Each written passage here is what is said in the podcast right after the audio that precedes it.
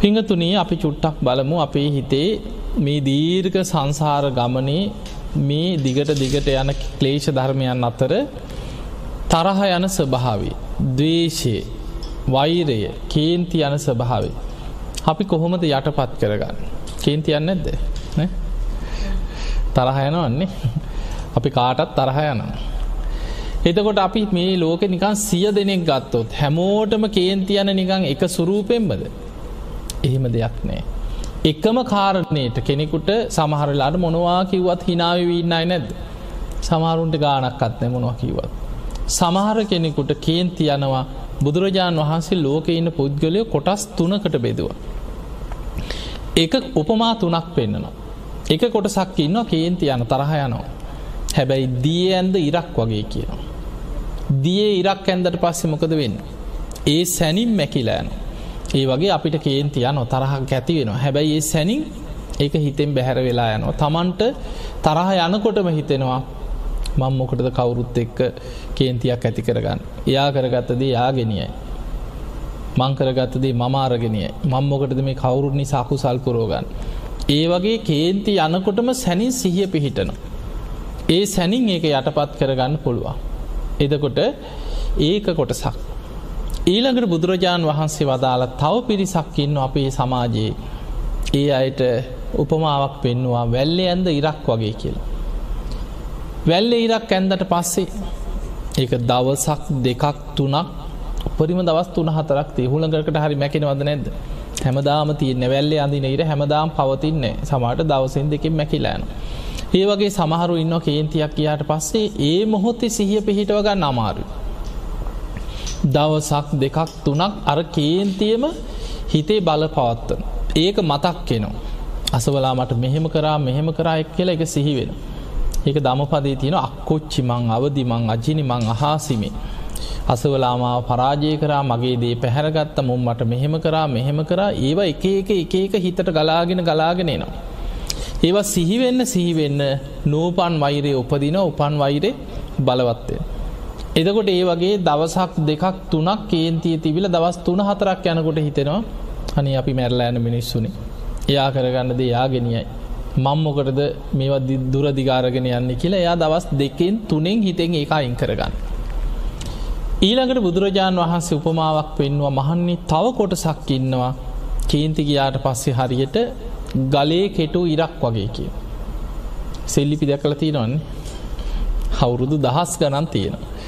තැන්වයි බුදුරජාණන් වහන්සේ කාලි කොටපු සෙල්ලිපි රජ කාලෙ කොටපු ඒවා බ්‍රාක්්මි අක්සල් වලින් කොටපු සෙල්ලිපි තාම තියෙනවා. එතකොට සමහරයව පරීක්ෂණ කරලා ඉතින් හොයාගන්න අවුරුදු දහස් ගනම් පරණ සෙල්ලිපි හැටියට. ගලේ කෙටුවට පස්සේ ඒක ලේසියෙන් මැකෙන්නේ. ඒ වගේ සමහර ඒවා තියෙනවා කේන්ති ගියාට පස්සේ මේ ජීවිතේ මැරෙන්න කම්ම ඒකෙම හිත හිතා ඉදලා මැරෙනකොට අතහරින්නෙත් නෑ.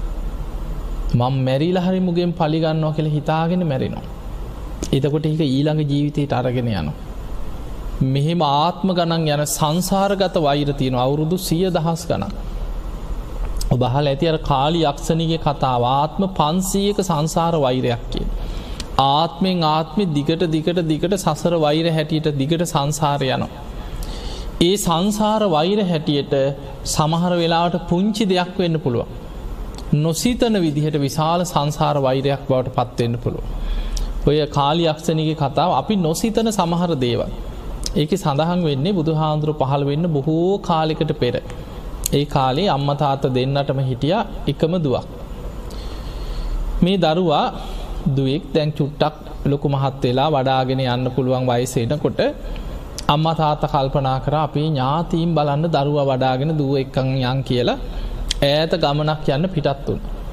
දැන් දරුවත් වඩාගෙන අම්ම තාත්ත ඈත අරගෙන යනකොට මාරුව මාරුවට වඩාගෙන යනවා ටිකක් බිමින් අල්ලගෙන යනවා හොම එක්කරගෙන යනකොට පාරක් අයින තියෙනවා කැස්බෑ බිත්තර වගේ. ඒ කාලි කලාතුරකින් තමයි එහෙම මිනිස්සුන්ට වෙළඳ පොලේ තියේ. ඒ කාලෙ මිනිස්සු අතර විශ්වාසයක් තිබුණ මේ කැස්වෑ බිත්තර බොහෝම ගුණයි දරුවන්ට වටිනෝ. මේක බොහොම පෝෂණින් යුක්තයි කිය. මේ අම්මතාත කල්පනා කරානේ අපේ දරුවට කොච්චර හෙව්වද මේ කැස්වෑ බිත්තර ටික. මේ බිත්තර ටිකක් තියෙන මේ ඔක්කොම ගම කියලාට කැස්බෑ බිත්තර තිබ්බ ටික ඔක්කොම ගත්තා. අරගෙන දැම් මේ බිත්තර ටිකත් අරගෙන ගෙදර ගෙනහල්ලා දැන් ළමයට දවස ගාන එක එක එක එක හදල දෙනවා. දැන් අර දරුව මේ බිත්තරවලට ඒ රසයට ආසාාව ඇතිවුණ. දැන් පොඩි දරුව ඉන්න ඒ වගේ සමහලාට රසයක් ඇති වුණට පසේ ඒව නැතුව කෑමටික් කවාගන්න බෑ දැන් මේ ළමය බිත්තරවලට පුදුම ආසාාවක් අර කැස්බෑ බිත්තර ටික සතියක් දෙකක් යනකොට ඉවරුණ. දැන් ළමය කෑම කන්නේ. කෑම ටික කවන්න ගියහම් මට එපා කිය අරව නැත්නං එපා කියන දැම් බිත්තර තමයි ඉල්ලන්න. හම්ම තාත කල්පනා කරා මේ ළමයා යසාගේට මොනවහරි කවාගන්න පුළුවන් ළමයට. අපි මේ බිත්තරයක් දීල කරගත්තදී. දැන් කෑම ටිකක් කවාගන්න විදිහක් නෑ. දැන් කල්පනා කරා මොකදෑ දැන් මේ දරුවට කරන්න. ඔහොම ඉන්නකොට කල්පනා වුණ දැන් කැස් බෑහ යන්නත් මොක කැස් බෑවි ගෙදර ගැල දන්නේ හීට පස්සේ මතක් වුණා බිත්තරන බිත්තර දාන කිකිලියක් ගේම කියල්. දැන් ඈත ගිහිල්ල හොයාගෙනාව විකුණන තැනකින් කිකිලියක් ගෙනාව ගෙදර දැන් හදන්න. දැන් ඔන්න ගෙදර කිකිලියෙක් ඇති කරන. මේ කිකිලි දාන දාන බිත්තරේ දරුවට හදල දෙනවා. දැන් ළමය කොච්චර බිත්තරවලට ආසාාව පෙරේතකම ඇතිවුණාද කියන්නේ කිකිලි බිත්තර දානකල් ළමය වාඩලා ඉන්න අතන. බිත්තරේ වැටෙනකොට මත දාලාරගේ නම්මට ගෙනත් දෙන අම මේක හදර දෙන්න කිය. දැන් අපි කවදාවත් නොසිතන දෙයක් මේ. අපි හිතන්නේ සත්තු අයිර බඳිනවා කියලා. අර කිකිලි වෛර බැන්දා මේ දරුවට. එතනිත්තයි වෛර පටන් ගත්තේ. තමන්ගේ පැටව් කනවා එක කිකිලි බිත්තර දාන කාටුවක් කන්න නෙමේ ඒ තමන්ගේ පැටිය මේ දරුව මගේ පැටව් කනවා කියලා අර පුංචි දරුවට කිකිලි වෛර බැන්ත. එහෙම කාලයක් ගෙහිල්ලා කිකිලි වෛර බැඳලා ඒ කිකිලි මරණයට පත්වෙලා ඒ ගෙදරම පූසියක් වෙලා උපදින. හර දරුව පුංචි වයසෙම අසනීපයක් හැදිලා මැරිලා කිකිලියක් වෙලා ඉපදුනා කෙන ඒ ගෙදර. ඔන්න දෙවනි ආත්මට එනකොට දැන් කිකිලි දාන දාන බිත්තරය අර පූසි කාලයන. ඒ වෛර යන්නේ ඒ විදිහට. මෙහෙම යනකොට දැන් කිකිලිට අර පූසි ගැන වෛරය උපදින. දැන් කිකිලි මරණයට පත්වෙලා කොටි දෙනක් වෙලා ඉපදුන ඊළඟ ආත්ම තුන්ගෙන ආත්ම. අර පූසි මරණයට පත්වෙලා මුව දෙනක් වෙලා උපදින්. දැම් මුව දෙන දාන දාන පැටියා කොටි දෙන ඇවිල්ල කාලයන. ඔය විදිහට දිගට දිගට දිගට දිගට ආත්ම පන්සීයක සංසාර වෛරයක් කාවකිනොත් දරුව කන පැටව් කන වෛරයක්. කොහොම ඇවිල් ඇවිල්ලා අපේ බුදුරජාණන් වහන්සේදා පහළ වෙන කාලයනකොට එක්කෙනෙක් යක්ෂණයක්. බොහෝම දරුණු යක්ෂණීක් වෙලා එක්කෙනෙක් වෛර බැඳගත්ත කෙනෙක් ඉපදිලා. අනික් කෙනා මනුස්සලෝක ඉපදුනා කාන්තාව.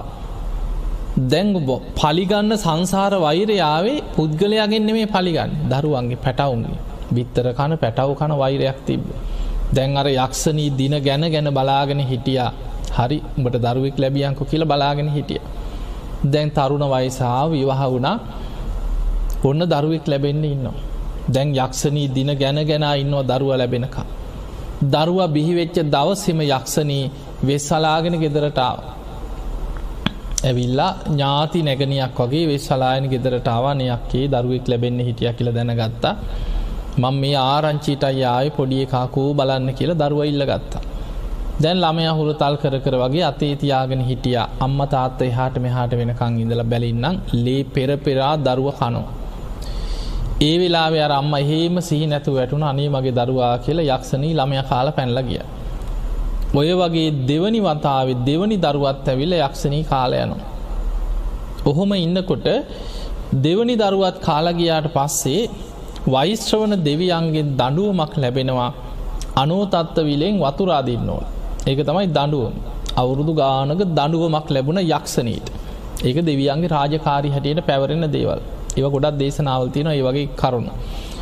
දැන් යක්ෂණීට මනුසලෝක දිහා බලන්නවා මිනිසුන්ගෙන් පලිගන්න වෙලාවක් නෑ දෙවියන්ගේ රාජකාරයක් දඩුවමක් දේව දඩුවමක් පැවරිල. ඔය අතරි තුන්ගනි දරුවත් ලැබුණ. දැන් කලින් දරුව දෙන්නම යක්ෂණී කාලගිය මේ අම්ම තාත්ත පුද්දුම බයෙන් දරුව ලැබුණට පස්සේ දරුව හදාගත්තා. හැබැයි අවුරුද්දක් දෙකක් ගියා යක්ෂණී එන පාටක් නෑ. දැන් කි අර බයත් ටික ටික නැති වුණා. ඊට පස්සේ කල්පනා කරන්නේ අපේ නෑදෑයන්ටවත් දරුව පෙන්නුවේ නෑ. බයට වෙස්සලාගෙන ඇවිල්ලා නෑදෑයෙක් විදිහට එයි කිය. දැන්නම් යක්ෂණී එන පාටක් නෑ අපි දරුවාරගෙන අපේ නෑදෑයෝ ළඟට යන් කියලා දරුවත් වඩාගෙන දැන් ගමන පිටත් වුණ. කොහොම යනකොට සැවැත්නුවර ජේත වනාරාමි හරහා තමයි ඔය ළඟින් තමයි පාරතියෙන්. කොහොම යනකොට පොකුණක් තිබ්බා ජේත වනේ අසල පොකුණ මිනිස්සු නානෝ. කල්පනා කරා නෑදෑගෙද දැන් ගොඩක් දූවිලි වැදිල මේ ගොඩක් දුර ඇවිල්ල දාඩිය දාලා අපි දෙන්න නාගෙනම යන් කියල්. ඊට පස්සේ ඉස්සල්ලා සාමියකව මන් දරුවතියාගෙන ඉන්නම් ඔයා නාන්නක දැම් බිරිඳ නාල ගොඩටාවට පස්සේ බිරිඳට දරුවදීල ස්වාමිය නානු. පීන පීන නානෝ අම්ම වාඩි වෙලා කිරි දෙනවා දරුවට. එදා තමයි අර යක්ෂණීට වෛශ්‍රවන දෙවියන්ගේ වරය අවසන් වෙච්ච දවස. අවසන් වෙච්ච ගමම් බැලුව බලනකොට දරුවෙක් ලැබිලා දරුවට කිරි දෙනවා. දකිනකොට මර සංසාර වෛරය ඇති වුණ. පස්සෙන් පන්නගෙන ඇවිල්ලා වෙස්සලාගන්න තමතකුණා වෛරයත් එක්ක පන්නගෙනනවා කොන්්ඩෙ කඩාගෙන ඇතින් යක්ෂණයෙක් දුවගෙනනවා. හරම්ම යක්ෂණියෝ දකිනකොටම කෑගැහුව ස්වාමියයට පීනගෙන එන්න තරම් වෙලාවක් නෑ. දරුව වඩාගෙන දිව් අදුවනකොට ළඟ ජේතවනි. එහෙම දිව්වා ජේතවනාරාම ඇතුළට. බුදුරජාණන් වහන්සේ විශාල පිරිසකට දහම් දෙසනවා. දුවගෙන ගිහිල දරුව අරගෙන ගිහිල්ලා සිරිපතුල් දෙක ළඟ තිබ්බා. හනේ සාමීනී මගේ දරුව බේරල දෙන්න යක්ෂණියෙක් කෙනවා මගේ ළමය කන්න කිය. ඒ වෙලාවේ පස්සෙන් පන්නගෙනාපු යක්ෂණීව දෙවියන් ජේතවනේ දොරටුව ළඟ කොටු කරා කියන. බුදුරජාණන් වහන්සේ ආනන්ද හාන්දුරන්ට කතා කරලා කියන ආනන්දය අර යක්ෂණී ජේතවනේ දොරටුව ළඟ දෙවියන් කොටු කරලා. ඔබ ගිහින් අඩගහගෙන එන්න කිව දම් සභා මණ්ඩපිට අරම් අඩන්න ගත් අනේ ස්වාමීණි මගේ දරුවට අනතුරක් කරයි. බුදුරජාණන් වහන්සේ වදල නෑ තතාගතයන් වහන්සේ වැඩ ඉන්න බයිවෙන්න එපාකිව. දැන් යක්ෂණී වෙක්කං ආව දම් සභා මණ්ඩපේට. බුදුරජාණන් වහන්සේ දකිනකොටම බිම් බලාගෙන වාඩි වුණා. බුදුරජාණන් වහන්සේ දවේශයේ වෛරය ආදීනව මතු කරමින් මේ අතීත සංසාර ගමනයාපු වෛරය බුදුරජාණන් වහන්සේ මතු කරල දේශනා කරමින් දහම් දෙසවා බනහල අවසන් වෙනකොට අර යක්ෂණීගේ වෛරය සංසිදුන. තුනුරුවන් ගැන සද්ධහ ඇති වුණ. බුදුරජාණන් වහන්සේ ළඟට ඇවිල වන්දනා කළ කිව සාමීනී අද පටම් මන් දිවිහිමියෙන් බුදුන් සරණයනු. මන් ධර්මය සරණයනවා ශ්‍රාවක සංඝයා සරණයන.